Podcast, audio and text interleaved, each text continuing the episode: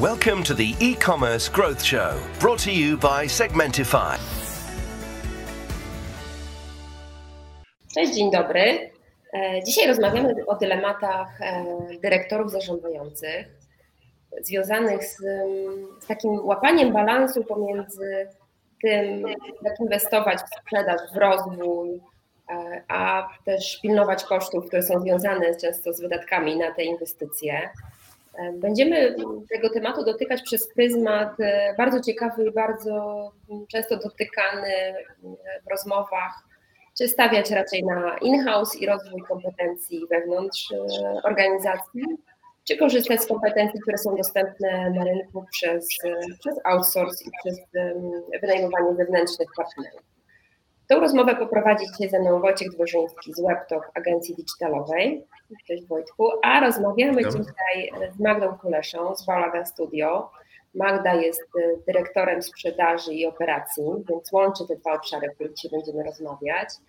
A, a markę Bałagan przedstawię krótko, a później Magda rozwiniesz może troszeczkę więcej, więc jest to marka polska, oparta o tradycję rzemieślniczą, przepiękne obuwie, inspirowane ulicami Tel Awiwu i właśnie w oparciu o te dwa filary, jakim jest Warszawa i Tel Awiw, budujecie też swoją komunikację e, bardzo spójną, marketingową.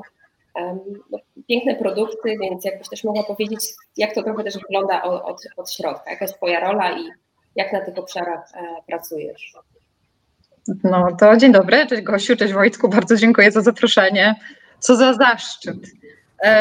Bardzo chętnie Wam dzisiaj opowiem o perspektywie bałaganowej. Bałagan to jest um, marka transparentna i bałagan lubi no, mówić o swoim e, success story, ale lubi też opowiadać o błędach, które popełniał przez te ostatnie kilka lat, żeby pokazać, jakby pokazywanie naszej perspektywy jest dla nas bardzo, e, bardzo ważne, jakby też przez pryzmat tej transparentności, którą, która jest zapisana w naszym DNA. Ja zostałam do Bałganu zaproszona 4 lata temu przez Agatę i Hanie, dwie właścicielki bałaganu, które swoje życie E, wiodą w dwóch różnych miastach i łączą jakby te, te kultury na pozór odrębne, ale jednak bliskie ze sobą.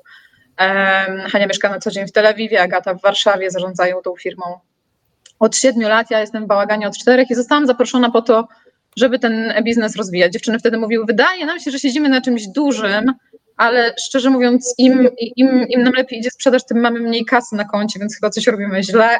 Fajnie byłoby, żeby ktoś się przyjrzał temu wszystkiemu, nam pomógł e, rozwinąć ten biznes. No i w sumie wtedy to był startup, były zatrudnione cztery osoby w tej, w tej firmie, byłam piąta. Dzisiaj Bałagan już nie jest startupem, jest raczej w sektorze małych i średnich przedsiębiorstw zatrudnia około 30 osób, współpracuje z ponad no, kilkudziesięcioma podmiotami, pewnie blisko 80 podmiotów z nami współpracuje zewnętrznych. No więc się zrobiła taka no, stosunkowo duża i poważna machina, a moja rola jest ciągle taka sama, czyli gdzieś tam dbam o to, żeby to się dalej rozwijało, chociaż już nie tak szybko i gwałtownie, tylko staramy się to powoli stabilizować, tak żeby oprócz tego, żeby rosnąć, to też, żeby mieć jakieś, żeby zacząć generować e, zyski z, z, z tego z tej naszej kilkuletniej pracy. Mhm. Bo właśnie tak jak mówisz, to rozwijało, a tu są ukryte, że tak powiem, dwa mocne, mocne filary. Przypomnę tylko, nie mówiłaś o tym, że nie macie wielkiego brata, nie macie inwestora, który z wami stoi, więc ta odpowiedzialność za rozwój, za to, żeby ten rozwój się finansował, no wydaje mi się dosyć spora. Nie chcę Ci tutaj dokładać, ale zawsze obserwując bałagan widzę, jakie to są dylematy w kontekście takiego bieżącego, bieżącego zarządzania powiedz, jak teraz wygląda ta wasza struktura, bo mówiłaś o kilkudziesięciu partnerach. Z czego teraz jest, korzystacie? Jaka jest teraz ta struktura? Z czego korzystacie wewnątrz? Z kim współpracujecie na zewnątrz? No, żeby się móc w ogóle samofinansować, trzeba przejść przez, no, wydreptać sobie, wybłagać, wynegocjować, jakkolwiek to się nazywa, zewnętrzne zewnętrzne finansowanie jakieś takie, wiesz, długoterminowe. Po prostu, żeby móc się samofinansować, trzeba mieć terminy płatności. Żeby mieć terminy płatności, trzeba poniekąd pracować też z zewnętrznymi partnerami. Więc my jesteśmy uzależnione od współpracy z zewnętrznymi partnerami. Ich jest najwięcej w tym zakresie producenckim i komponenckim, bo, bo Bałagan to jest marka, która te produkty tworzy na na nieszczęście wszystkich naszych producentów, rzemieślników, którzy woleliby, żebyśmy przychodzili z gotowym wzorem albo, albo wybierały ich wzory i mówiły, poprosimy taki czerwony, no to dziewczyny wymyślają, wiesz, spody, skrepy z Hiszpanii, które jadą na osiołku z nie wiadomo, wiesz, jakieś kosmiczne materiały z bawełny, biodegradowalnej, kleje wegańskie, to wszystko znoszą tym naszym polskim producentom i oni się oni mówią po prostu nie, tylko nie.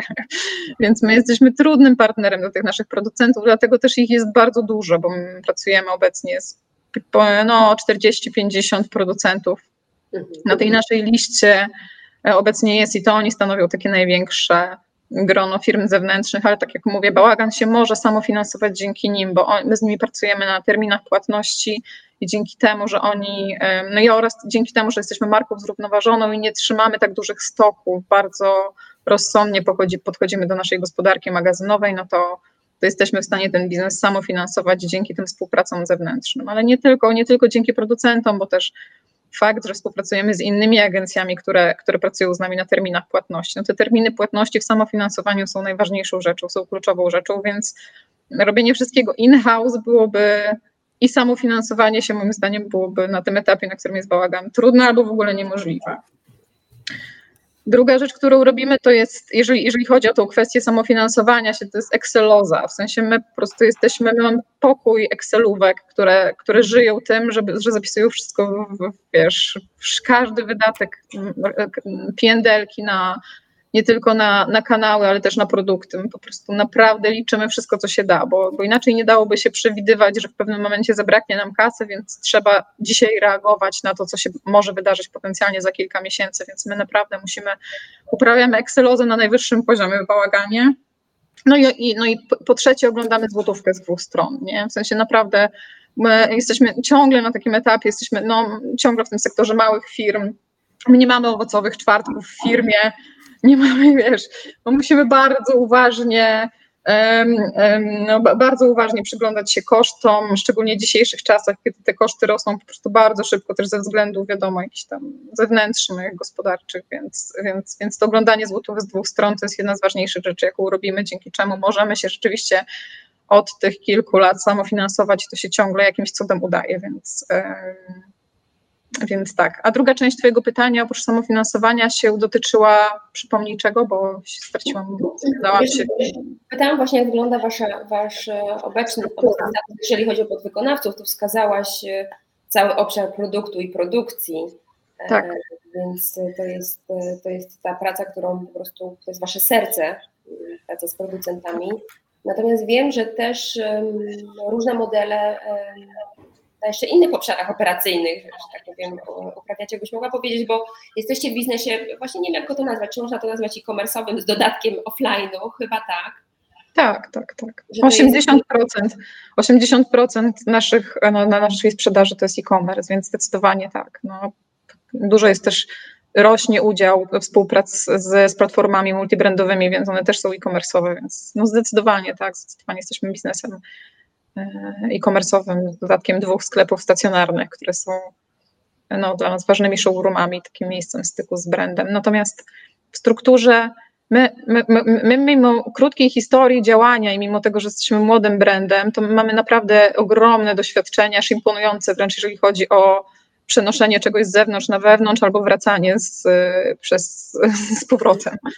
Bo w zasadzie każdy z tych działów, każdy przeszedł jakiś moment, w którym był w środku, potem poszedł na zewnątrz, potem wracał, potem stwierdził, że znowu wychodzimy na zewnątrz i to wynika z, z wielu powodów, no ale jakby takim najbardziej spektakularną zmianą i takim game changerem w 2020 roku było wyniesienie naszego magazynu na zewnątrz i to był taki naj... Myśmy sobie totalnie nie radzili z logistyką.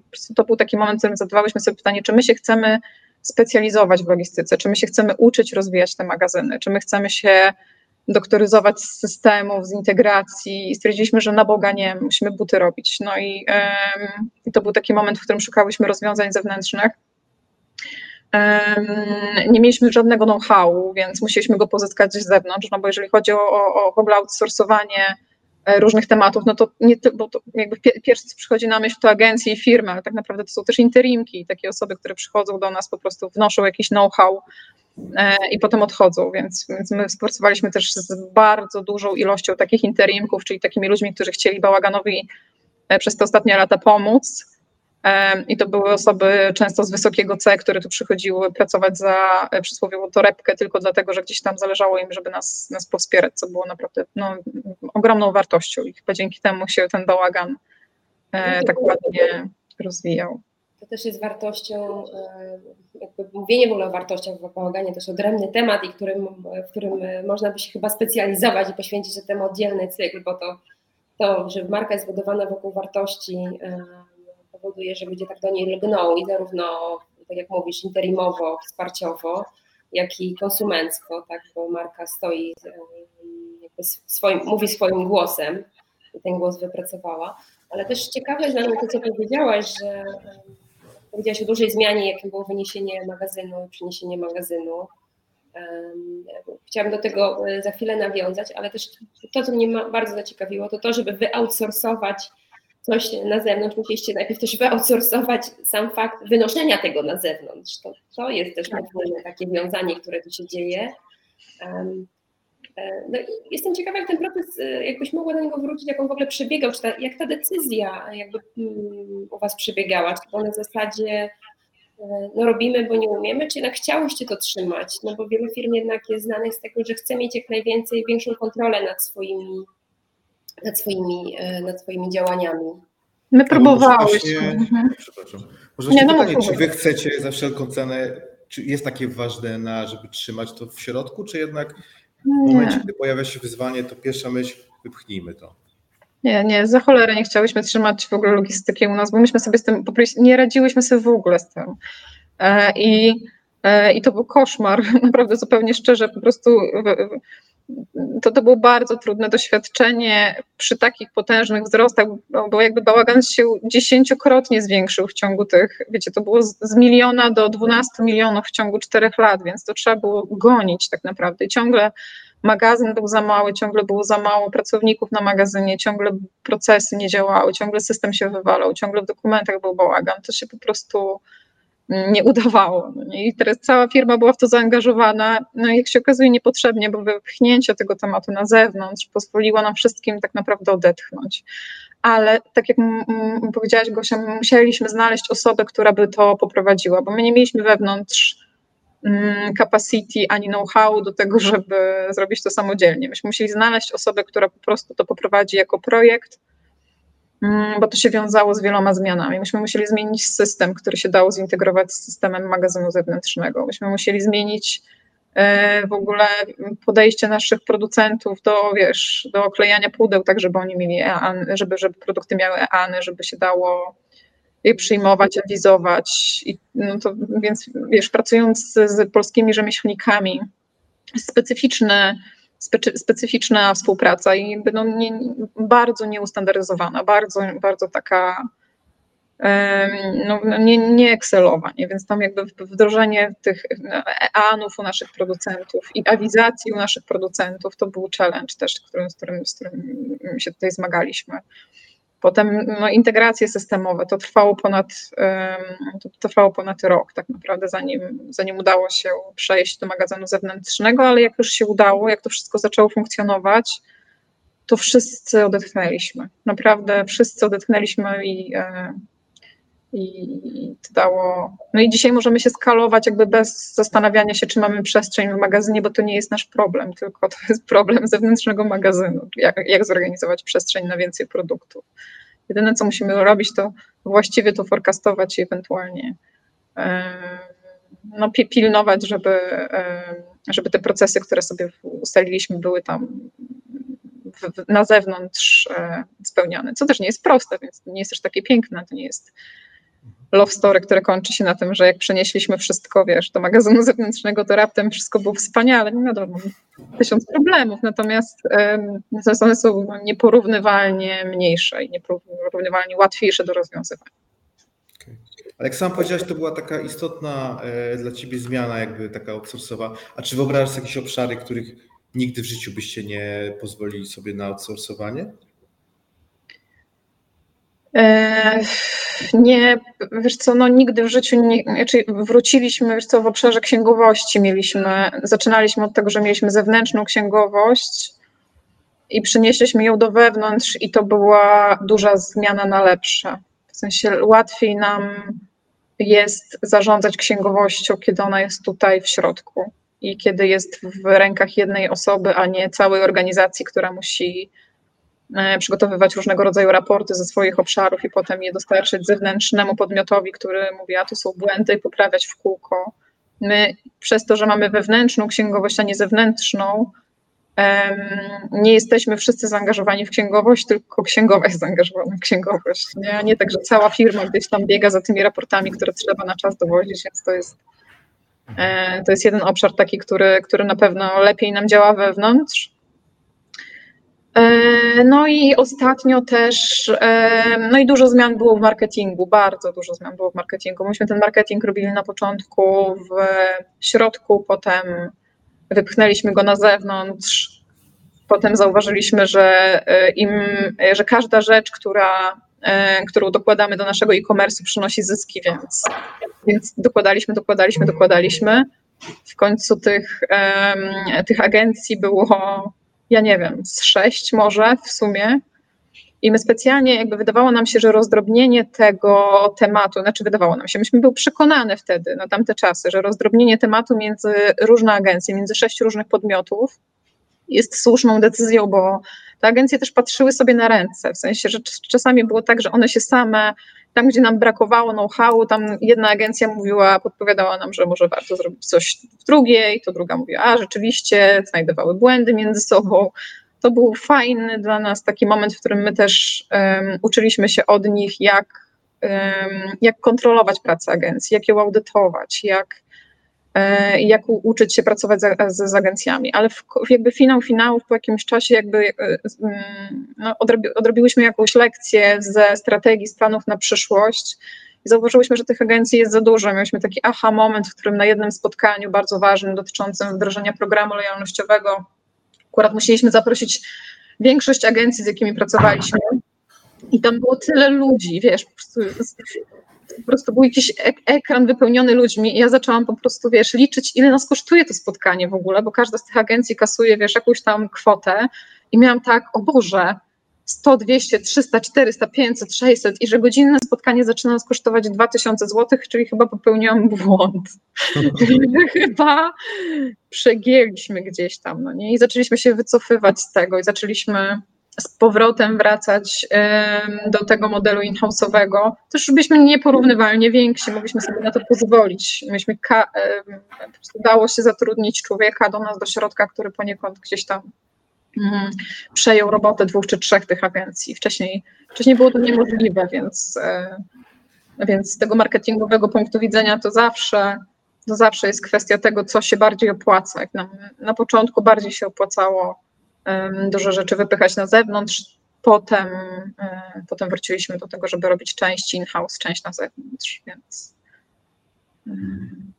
No właśnie tutaj, e, tutaj też ubiegłoś moje pytanie, bo też mnie bardzo ciekawiło, po czym poznajesz, e, po czym poznajesz, że właśnie trzeba zmienić podejście, ale widzę, że mm, ten aha moment jest ważny, żeby do niego doszło pewnie jakaś refleksja, która jest niezwykle istotna i w biznesie, i w życiu, którą trzeba mieć. No i chyba Exceloza, która pokazuje na koniec dnia, czy to, czy to się spina, czy to się, czy to się nie spina, prawda, w, w danym momencie. Tylko i wyłącznie, tylko Excel decyduje o tym, co, e, czy robimy coś in-house, czy, e, czy nie, czy, czy to wypychamy. Natomiast. Ale no, e, wybór, śmiała wybór masz, możesz sobie pozwolić i na taki model, i na taki model. To gdzie widzisz jakby, gdyby Excel nie, może tak zadam pytanie, gdyby Excel nie ważył, mhm. to czym podejmujesz te decyzje jakby w pozostałych, w pozostałych aspektach? Gdzie patrzysz? No. Strategicznie podejmujemy te decyzje. To znaczy, my generalnie bardzo się staramy odrabiać pracę domową ze strategii. U nas te strategie nie są realizowane przez, nie są tworzone przez um, zarząd, dyrektorów czy menedżerów, tylko one są robione przez każdą osobę w tej firmie. Każdy ma za zadanie zrobić od czasu do czasu pracę domową z tego, co, żeby się jakby rozejrzeć dookoła, rzucić łopatę i zastanowić się, co, czym będzie w przyszłym roku, wiesz, jakie będzie, jakie będzie potrzebował narzędzi do pracy, żeby, żeby, żeby sobie to ułatwić. Więc my te strategiczne spotkania mm, wrzucamy sobie potem na jedno, duże spotkanie całej firmy i zastanawiamy się nad tym, co, na co sobie możemy pozwolić, a na co nie. No i gdybyśmy sobie mogli pozwolić na wszystko, gdyby Excel nie istniał, no to pewnie decydującym byłoby to, y, czy mamy know-how w organizacji, albo czy możemy go, y, wiesz, czy możemy go pozyskać, bo nie zawsze możemy pozyskać know-how. Dobrym przykładem jest firma IT, z którą współpracujemy.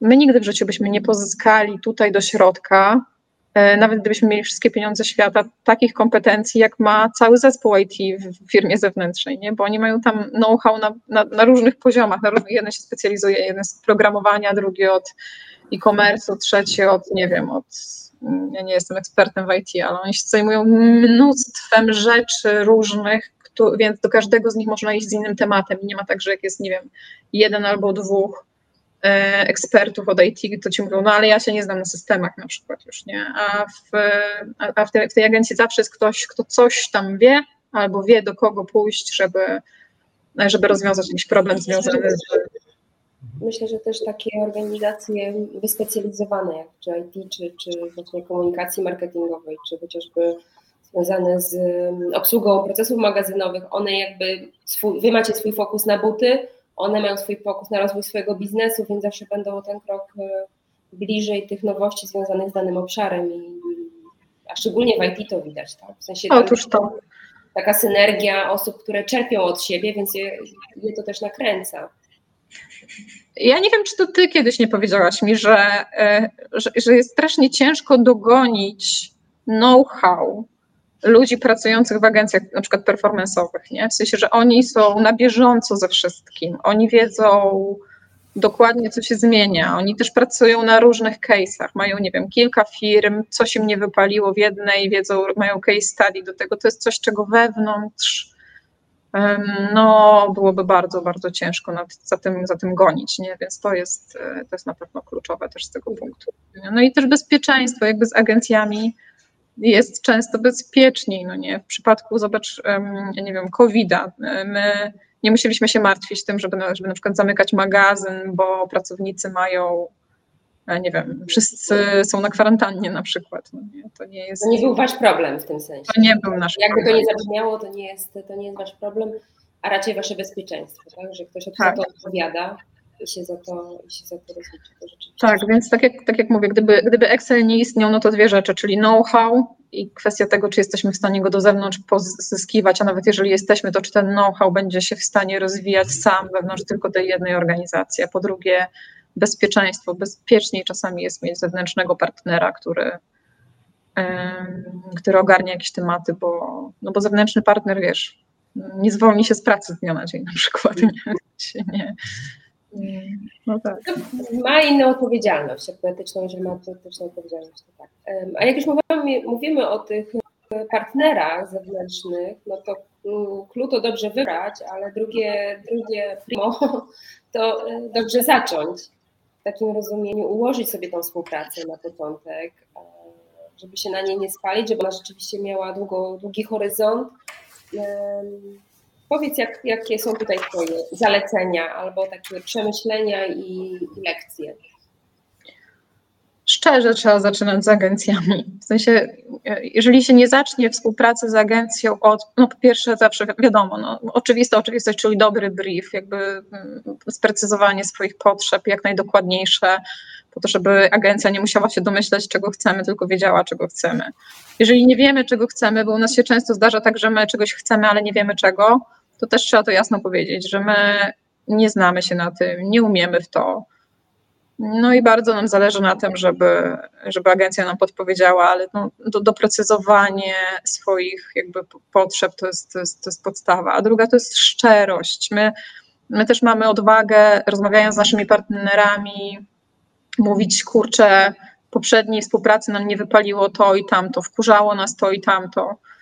Czy za, zaczynając współpracę z Wami nie popełnimy, nie wiem, nie, nie, nie, nie wejdziemy z deszczu pod rynnę, bo nie chcielibyśmy jakby powtarzać tych samych błędów. Więc jeżeli, jeżeli agencja mówi otwarcie nam wtedy, albo firma, partner, IT, cokolwiek mówi, że mm, że nie, że u nas będzie tak samo, a to się zdarza bardzo często, nie? I to głównie dotyczyło na przykład w, w IT to dotyczy odbierania telefonów, nie? Czy czy, czy, czy jeżeli przeniesiemy e, firmę IT do, do, Was, to czy będziecie odbierać telefon, bo u nas będzie do nas dzwonić e, Daria ze sklepu, Ania z księgowości, Jaśka od operacji, no to, no to firma mówi, nie, my, u nas też jest problem z tym, że, że my nie odbieramy telefonu non stop, szukajcie dalej, nie? w sensie więc szczerość, szczerość to podstawa, ale my też staramy się budować dobre relacje z naszymi partnerami, w sensie, że my jesteśmy, wydaje mi się, fajnym partnerem, takim, z którym da się dogadać, więc, e, więc my też czerpiemy z tego benefity, bo w razie, w razie gdyby się coś działo niedobrego u nas i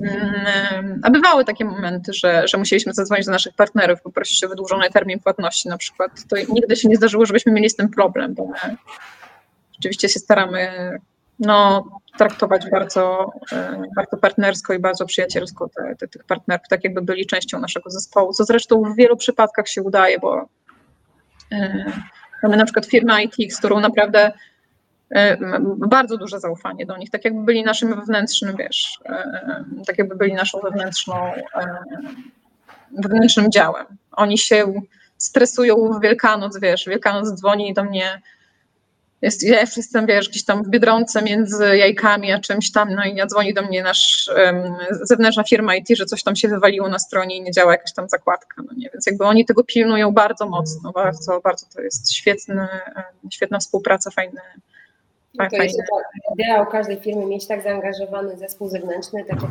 no, praktycznie pracownik, chociaż nie zawsze tak. Tak, się, e, tak się udaje i myślę, że tu akurat możemy powiedzieć, że to jest e, to jest bardziej wyjątek i myślę, że po prostu biznesowo to nie jest źle, po prostu biznesowo i profesjonalnie nie każdy, nie każdy tak też prowadzi swój biznes, aby się te aż tak angażować. Przenikały i angażowały. Podobało mi się to, co powiedziałaś o tej, o tej szczerości, nawet powiedziałaś, że jesteś orędowniczką szczerości do bólu. Tak. Lepiej, że tak powiem, ekshibicjonistycznie na początek podejść i pokazać, jacy jesteśmy. Zastanawia mnie natomiast, jak później to weryfikujesz, wiesz, zaufanie to jest proces. Nie jest tak, że my wejdziemy i ufamy. No oczywiście możemy dać kredyt zaufania i tak dalej, natomiast to prawdziwe zaufanie wykuwa się w trakcie. Jak później weryfikujesz, czy dobrze zainwestowałaś zaufanie, czy nie, czy masz na to, czy to jest miękkie, czy masz na to jakieś twarde metody, na zasadzie pracy z, z partnerem w ogóle z każdym partnerem zewnętrznym to nie chodzi tylko o współpracę z firmami, ale też jak komuś, nie wiem, dajesz, wiesz, płytki do położenia w łazience, to też masz zaufanie, że ten człowiek będzie potrafił to zrobić, nie? Więc jakby na początku z każdym partnerem jest jakiś kredyt zaufania. Daje, daje się kredyt zaufania każdemu partnerowi. Natomiast po jakimś czasie albo um, no ktoś z tego kredytu, wiesz, nie musi korzystać szczęśliwie, albo z niego korzysta i niestety to, to, to zaufanie nadwyręża, no i wtedy nie ma możliwości, trzeba sprawdzać, trzeba kontrolować, trzeba się statusować, challenge'ować.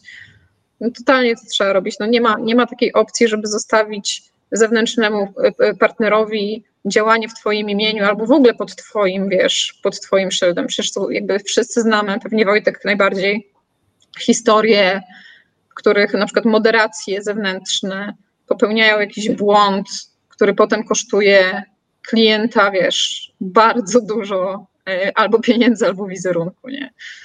Więc to jest tak, że oddając e, zewnętrznym, zewnętrznym firmom możliwość podpisywania się Twoim imieniem albo Twoją firmą, no nie, to jest bardzo duży kredyt zaufania i trzeba na pewno to weryfikować, sprawdzać i kontrolować. Nam się zdarzyło dwukrotnie audytować też partnera zewnętrznego, bo nie mieliśmy wewnątrz know-how na zweryfikowanie, czy działania są prowadzone prawidłowo. Więc poprosiliśmy o audyt po prostu trzeciego partnera, który przyszedł, wylistował jakieś tam błędy, większe, większe w jednym przypadku, mniejsze w drugim przypadku. No i jakby z tym, jakby z tym feedbackiem, z tym audytem udaliśmy się do, do, do tego partnera i pokazaliśmy to. Jeden na to zareagował bardzo dobrze i te błędy ponaprawiał, a drugi na to zareagował źle i się skończyła współpraca. Więc, więc tak, no więc jakby warto na pewno pilnować swojego ogródka i o, to, o niego dbać. No więc bez względu na to, co to jest za partner i z jakiego jest czy remontuje nam dom, czy, czy, czy odpowiada za moderację w naszych social mediach, no, trzeba to po prostu, trzeba na to uważać. No to tutaj rzeczywiście, e, rzeczywiście mm, świetna postawa firmy, która się zgodziła i otworzyła jakby po partnersku na tę waszą, bym powiedziała, krytykę w jakiś sposób, bo to przyjąć krytykę to też jest, to też pokazuje pewną klasę. I znowu zaufanie wykuwa się w trudnych sytuacjach, a nie po prostu kiedy jest łatwo, kiedy można lekko sobie e, przejść dalej, więc e, no tutaj taka postawa i z Waszej strony widzę moderację od początku właśnie na to, że gramy w otwarte karty. Tak, tak. Jak, jak Wasze podejście zmienia się, kiedy myślicie o zagranicy? Czy, czy Wy w ogóle myślicie o zagranicy w jakim kontekście tutaj, jeżeli chodzi o outsourcing i in-house? Um, tak, za granicę w ogóle się nie da robić e, e, in-house. W sensie to jest bardzo, bardzo trudne, bo e, jest wiele, znaczy, próbowaliśmy, żeby nie było, próbowałyśmy robić in-house'owo rozwój zagraniczny i to się po prostu tak strasznie nie udaje. E, I tylko jak no, zmieniłyśmy tą strategię i teraz rzeczywiście e, współpracujemy z zewnętrznymi e, firmami różnego rodzaju, które wspierają nas w tym rozwoju międzynarodowym.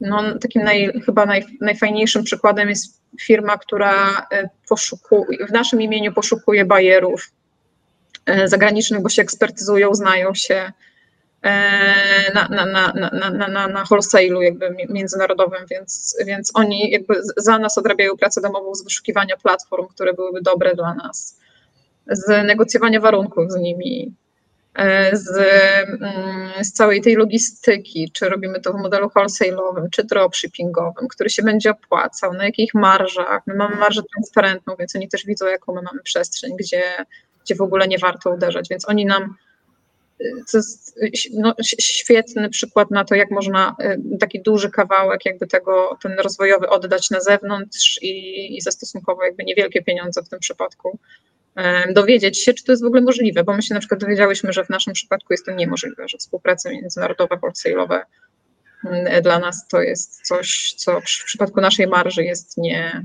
y, niemożliwe do zrobienia, więc dałyśmy sobie E, szansę na to, żeby to zweryfikować. Nie robiłyśmy tego same, więc nie, nie weszliśmy nigdzie ze stratą szczęśliwie, bo się dowiedziałyśmy wcześniej, że, że akurat to nie jest nasz dla nas kierunek, ale też współpracujemy z agencjami. Są, jest, są, są jakby dwie, dwa, dwa kraje, które szczególnie e, lubią bałagan. No i w tamtych krajach pewnie miałoby sens mieć agencję PR-ową i marketingową, która odpowiada za za, za marketing na tamtych rynkach, bo, bo polskie agencje zazwyczaj mówią, nie, nie, nie robimy tego na, na, na, rynki zagraniczne, bo my tych rynków nie znamy, my nie znamy tamtejszych influencerów, my nie, nie znamy tamtejszej pracy, nie przyjaźnimy się z e, szefową Woga, więc my to robimy na rynku polskim, ale jeżeli chodzi o rynki zagraniczne, zagraniczne to szukajcie agencji za granicą, więc to jest kolejny przykład.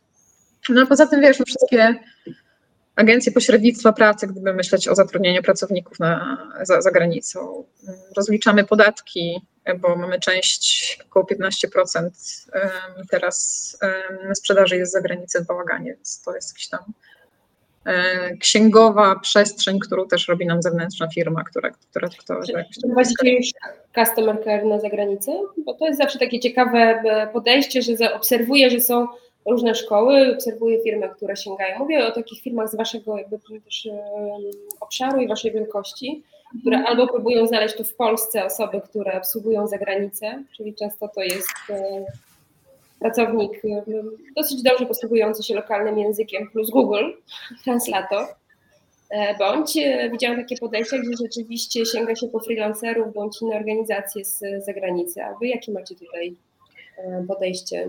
Wyda wydawało nam się, że będziemy musieli to zrobić, jak wchodziliśmy na Zalando mm, rok temu. Bo rzeczywiście w kontrakcie z Zalando było zapisane, że musimy mieć customer care mówiący w języku niemieckim. No ale finalnie, odkąd jesteśmy na Zalando, takich zapytań było jedno, więc, no więc jakby nie, nie pociągnęliśmy, nie pociągnęliśmy tego tematu. Natomiast no, rzeczywiście jesteśmy na takim etapie, jak mówisz, chociaż to brzmi e, trochę śmiesznie, że my jesteśmy na etapie Google Translate. Do nas też pisze, wiesz, ze względu na DNA firmy dużo osób z Izraela, więc, więc dziewczyny też e, po prostu no, przez Google Translate odpowiadają na różne zapytania. No, jakkolwiek to nie, nie, nie jest profesjonalne, tak byłoby bardzo ciężko znaleźć kogoś, kto się posługuje tym językiem, więc więc nie, nie, na razie mamy tylko. Nie skreślacie Google'a. Słucham? Nie skreślacie Google'a. Nie, nie, nie, nie, na razie. Na razie Google nam bardzo tutaj, Google jest naszym. Też ciekawe, ciekawe jest to, co powiedziałaś, że było zalecenie z Zalando, żeby mieć niemieckojęzyczną obsługę klienta. I rozumiem, że zweryfikowaliście najpierw, czy to jest prawda, czy nie, de facto, czy rzeczywiście tego potrzebujecie, zamiast wykonaliście ten ruch, tak? Znam też takie firmy, które by pewnie najpierw pozatrudniały, bo skoro jest zalecenie, to trzeba to zrobić.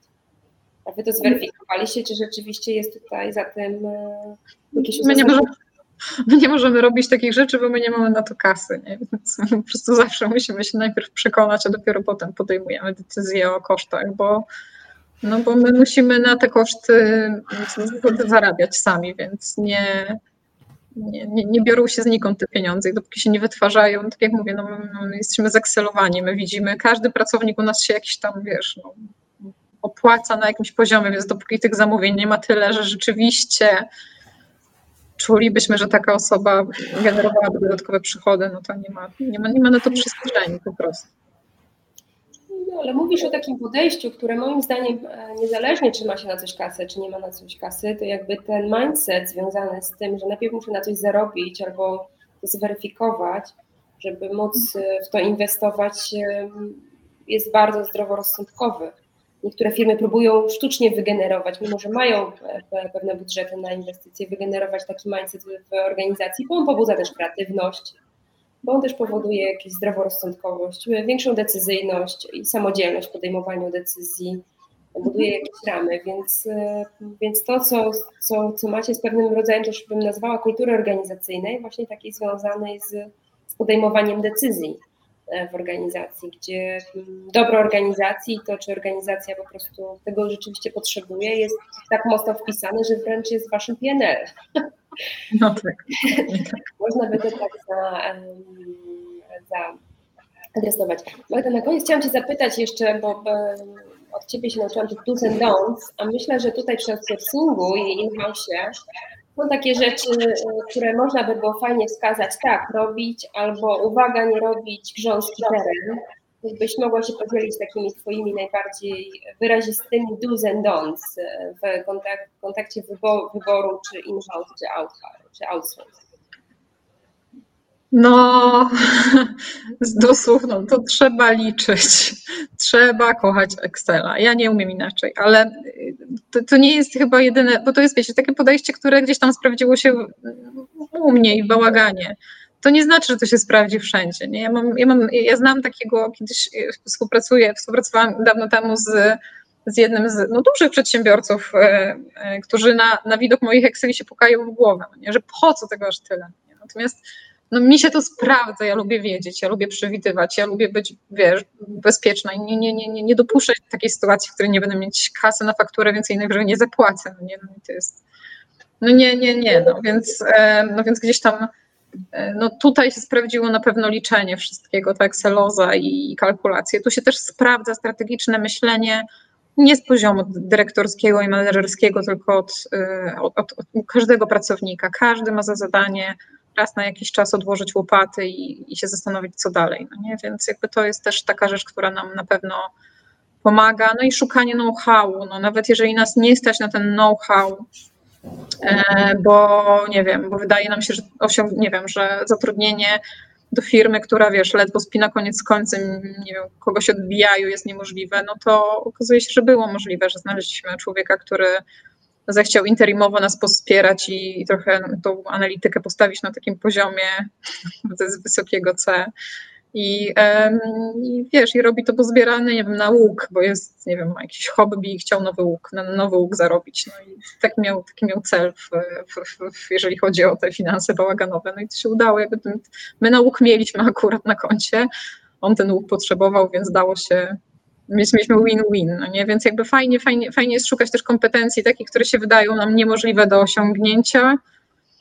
Mm, no, na, na zewnątrz w tych współpracach interimowych.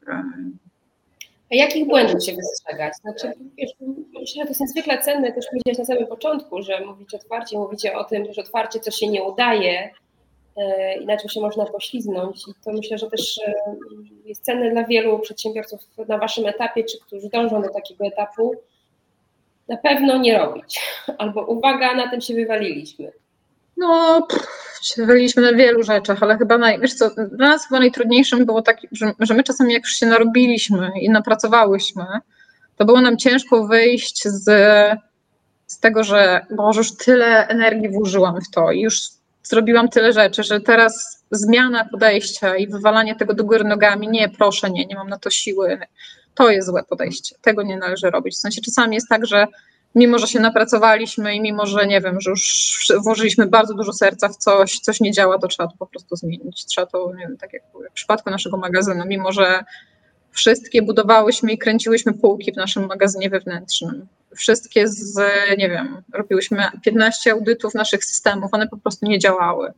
I po jakimś czasie trzeba było, nie wiem, trzeba było to zgruzować, chcieć to zgruzować, mimo wysiłku, jaki był włożony w budowanie poprzednich e, struktur i poprzednich systemów, trzeba było to zgruzować i mimo, że to kosztowało dużo pracy, to finał był naprawdę bardzo, e, bardzo dobry. Nie bać się audytować mm, zewnętrznych podmiotów. Słucham? Czy ufać podmiotom zewnętrznym? Nie, nie wiem, czy ufać. Wiesz co, no, tak, jak, tak, jak ci, tak jak powiedziałam, chyba daje się zawsze z początku kredyt zaufania, jak zaczynasz współpracę, bo zweryfikowałeś, bo zapytałeś o opinię kogoś z zewnątrz, bo wiesz, że ten człowiek mówi coś sensownego. No jeżeli, jeżeli, jeżeli finał finałów, ten, ten podmiot, ten człowiek, ta firma realizuje to, czego, czego ty oczekiwałeś w swoim briefie, no to tak, no to my mamy pełne zaufanie dzisiaj do um, większości naszych producentów, którzy nam szyją. Mamy zaufanie, że oni rzeczywiście nam prześlą produkt, że my będziemy mieli co sprzedawać. Mamy zaufanie do firmy IT, które wiemy, że jak nam przestanie działać strona, to oni to zauważą i że, że wyłapią to odpowiednio szybko. My, my im bardzo ufamy, ale to wymagało czasu i oni musieli sobie na to zaufanie e, e, zapracować, no nie. Ale nawet jeżeli, jeżeli się ufa, moim zdaniem warto od czasu do czasu kogoś zaudytować, kogoś challenge'ować, usiąść, postatusować się, zapytać, czy, czy, czy na pewno to działa, czy obie strony są zadowolone, bo to wiesz, nie, nie tylko my musimy być zadowolone z tej współpracy, my mamy też takie historie z partnerami, którzy powiedzieli, my dalej z wami nie chcemy pracować, bo wkurzacie nas tym czy tamtym, nie? W sensie nie, nie, już mamy dosyć bałaganu. Szczerość za szczerość, słuchaj, szczerość za szczerość. Wydaje mi się, tak. że to rozmawianie czy challenge'owanie wcale nie musi oznaczać e, końca zaufania. Tak, tak, tak. Może pokazać, że Wam zależy nadal, że, że pilnujecie swojego obszaru, co też podnosi jakby poziom oczekiwań, ale w taki pozytywny sposób, tak? No bo wyobraźmy sobie, że kładziemy płytki dla kogoś, kogo nie interesuje, jak my te płytki położymy. Znaczy nasza praca go nie interesuje, nasza praca nie jest dla niego ważna w takim też trochę dopowiedzeniu. Więc myślę, że, że to, co często sama to zapytam, ufać czy nie ufać, wcale może nie chodzić o zaufanie, ale pokazanie, że my jesteśmy tutaj w jednym celu, jednym kierunku i tylko go cały czas doprecyzowujemy, bo te kierunki się mogą zmieniać po obu stronach, tam modyfikować wraz z przyjściem nowych osób po stronie agencji, czy jak mówisz, pracujecie bardzo strategicznie, e, więc możecie też jako firma, i to też jest moje doświadczenie, zmieniać te, te kierunki dosyć dynamicznie, bo musicie się dostosowywać do dynamicznego rynku, więc taka higiena komunikacji jest niezwykle istotna. Tak, bo to, to, nie jest tylko, to nie jest tylko zaufanie, to nie jest tylko zaufanie nasze do partnera, ale też w drugą stronę to działa dokładnie tak samo. No nie? Partner, który z nami współpracuje, tak samo musi ufać nam, że my będziemy, wiesz, odpowiednio dobrze wywiązywać się z kontraktu, że my zapłacimy za towar, który on nam wysłał, że my, nie wiem, no będziemy no, dobrze, dobrze z nim współpracować, że my mu nie utrudnimy życia. No, w sensie to jest po obu stronach. Myślę, że to jest że to nie jest wcale jednostronne, że to dzisiaj nie są te czasy, w których to jest takie bardzo jednostronne, że my jesteśmy zleceniodawcą i zleceniobiorca to musi robić. Nie, wcale tak nie jest już. Bo ten wątek, o którym poruszyłeś, challenge'ujący, to jest też bardzo ciekawa sprawa z perspektywy na przykład agencji. To znaczy jakby nie wszyscy klienci chcą być challenge'owani. My jakby mamy zawsze takie podejście, że właśnie staramy się patrzeć więcej, mimo że często funkcjonujemy w takich relacjach, o których tu mówiłaś, że jest kilka agencji, różne obszary, to ci tam staramy się challenge'ować, ale często jest tak, że klienci jednak mają swój plan i, i, i to, to, to wnikanie w inne obszary jest przyjmowane może nie tyle co negatywnie, no ale jakby nie z taką otwartością, o której ty mówisz. To tak jakby mhm. chcąc jakby trochę dać szerszą perspektywę tego.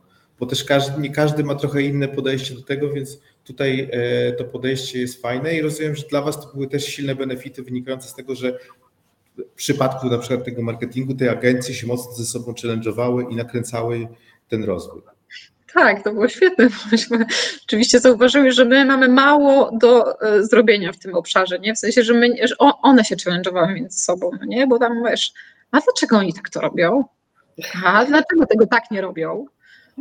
Więc, e, więc myśmy tak z przymrużeniem oka oczywiście o tym mówię, bo to pewnie wiesz, jest mniej śmieszne z perspektywy agencji, nie, że tam jedna drugą challenge'uje i pewnie to jest wkurzające, ale akurat dla nas było, e, nas zbudowało, bo myśmy naprawdę nie musiały się, e, wiesz, bo i wszystkim zależało, żeby być najlepszym, nie? To było takie bardzo... E, no i trochę Wiodącą agencją, to numer tak. jeden. Bo były rankingi i żeście to, to było, to się zmieniało w czasie, że na przykład był okres, w którym nie wiem, firma X była tą wiodącą, którą, na którą patrzyliście bardziej, a później to się przesuwało? To był taki naprawdę wyścig, czy to, to czy to było różne? Nie, nie, nie, nie był wyścig, bo, to, bo kompetencje były bardzo różne i wiesz, no myśmy nie dublowali kompetencji, mieliśmy dwóch agencji performance'owych. Mieliśmy jedną performance'ową, jedną od automatyzacji marketingu, jedną od social media, inną od PR-u. Chodziło o to, żeby wiesz, żeby agencja od social mediów i agencja od PR-u na przykład ze sobą potrafiły współpracować, bo no ale też wiesz, gdzieś tam się mobilizować do tego, żeby dowozić różne rzeczy, no nie? Bo, bo jednym i drugim na tym zależało. Więc, e, no ale tak jak mówię, no to jakby działało super do pewnego momentu. Potem przestało, potem się rozwaliło, więc, e, więc to chyba nie jest przepis. Za duża ilość agencji, które się challenge'ują, to nie jest przepis na sukces, jeżeli ktoś by to tak chciał zinterpretować. Jest to zapewne przepis na jakiś etap. Na pewno Wy byliście tutaj stroną, która korzystała z know-howu, a to też jest istotne, żeby klient był dobrze zorientowany w tym, co chce. Myślę, że teraz jak się okaże, że agencje zaczną się spotykać w dużych gronach, to może być pokłosie naszego dzisiejszego podcastu. Bardzo Wam dziękuję za rozmowę. Myślę, że tym akcentem będziemy obserwować rynek, czy rzeczywiście jest tak, że spotkania są wielowymiarowe. Bardzo dziękuję i do, do usłyszenia. Dziękuję Gosiu, dziękuję Wojtku. Dzięki.